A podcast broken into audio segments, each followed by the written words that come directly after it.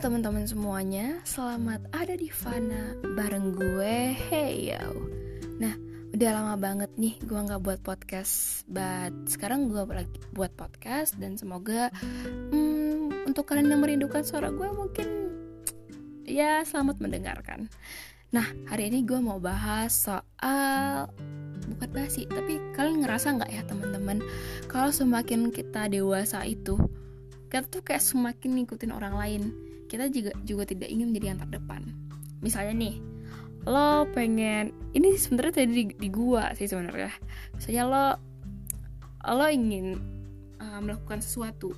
Lo kayak harus menunggu orang lain melakukan itu dulu baru lo percaya dengan sesuatu itu. Ya gue nggak tahu sih kalau sama kalian kayak mana ya nggak tahu. Tapi kalau sama gue sih kadang gue merasa seperti itu dan gue jujur. Terus um, kadang juga ada orang-orang yang seperti ini loh teman-teman semuanya. Misalnya dia teman dia udah membeli misalnya teman dia nih membeli HP keluaran terbaru. Nah sementara HP mereka HP dia itu kayak masih biasa aja. Padahal sebenarnya nggak biasa-biasa banget masih cukup. Tapi dia malah gimana ya misalnya dia belum punya penghasilan dia malah minta ke orang tuanya untuk membeli HP yang sama dengan temannya itu.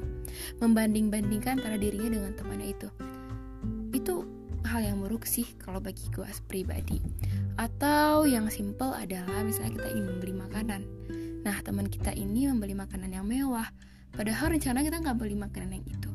Tapi demi melihat itu nah kita juga terbius oh kita kayaknya harus beli makanan yang itu juga. Nah teman-teman banyak banget hal-hal yang semakin dewasa kita semakin mengikuti orang lain itu, itu tuh banyak banget. Dan teman-teman bisa tanya ke teman ke diri teman-teman sendiri uh, kalau yang teman-teman alami seperti apa? Karena gue nggak tahu persis hati orang.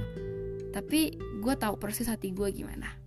Nah teman-teman mungkin segini aja ya podcast gue karena dari sini gue ingin bilang kalau pada kalau cuma lo yang paham diri lo sendiri cuma lo yang bisa menghentikan itu cuma lo yang bisa memutuskan apakah lo tetap ingin mengikuti orang lain ataukah lo pengen mencoba jalan lo sendiri?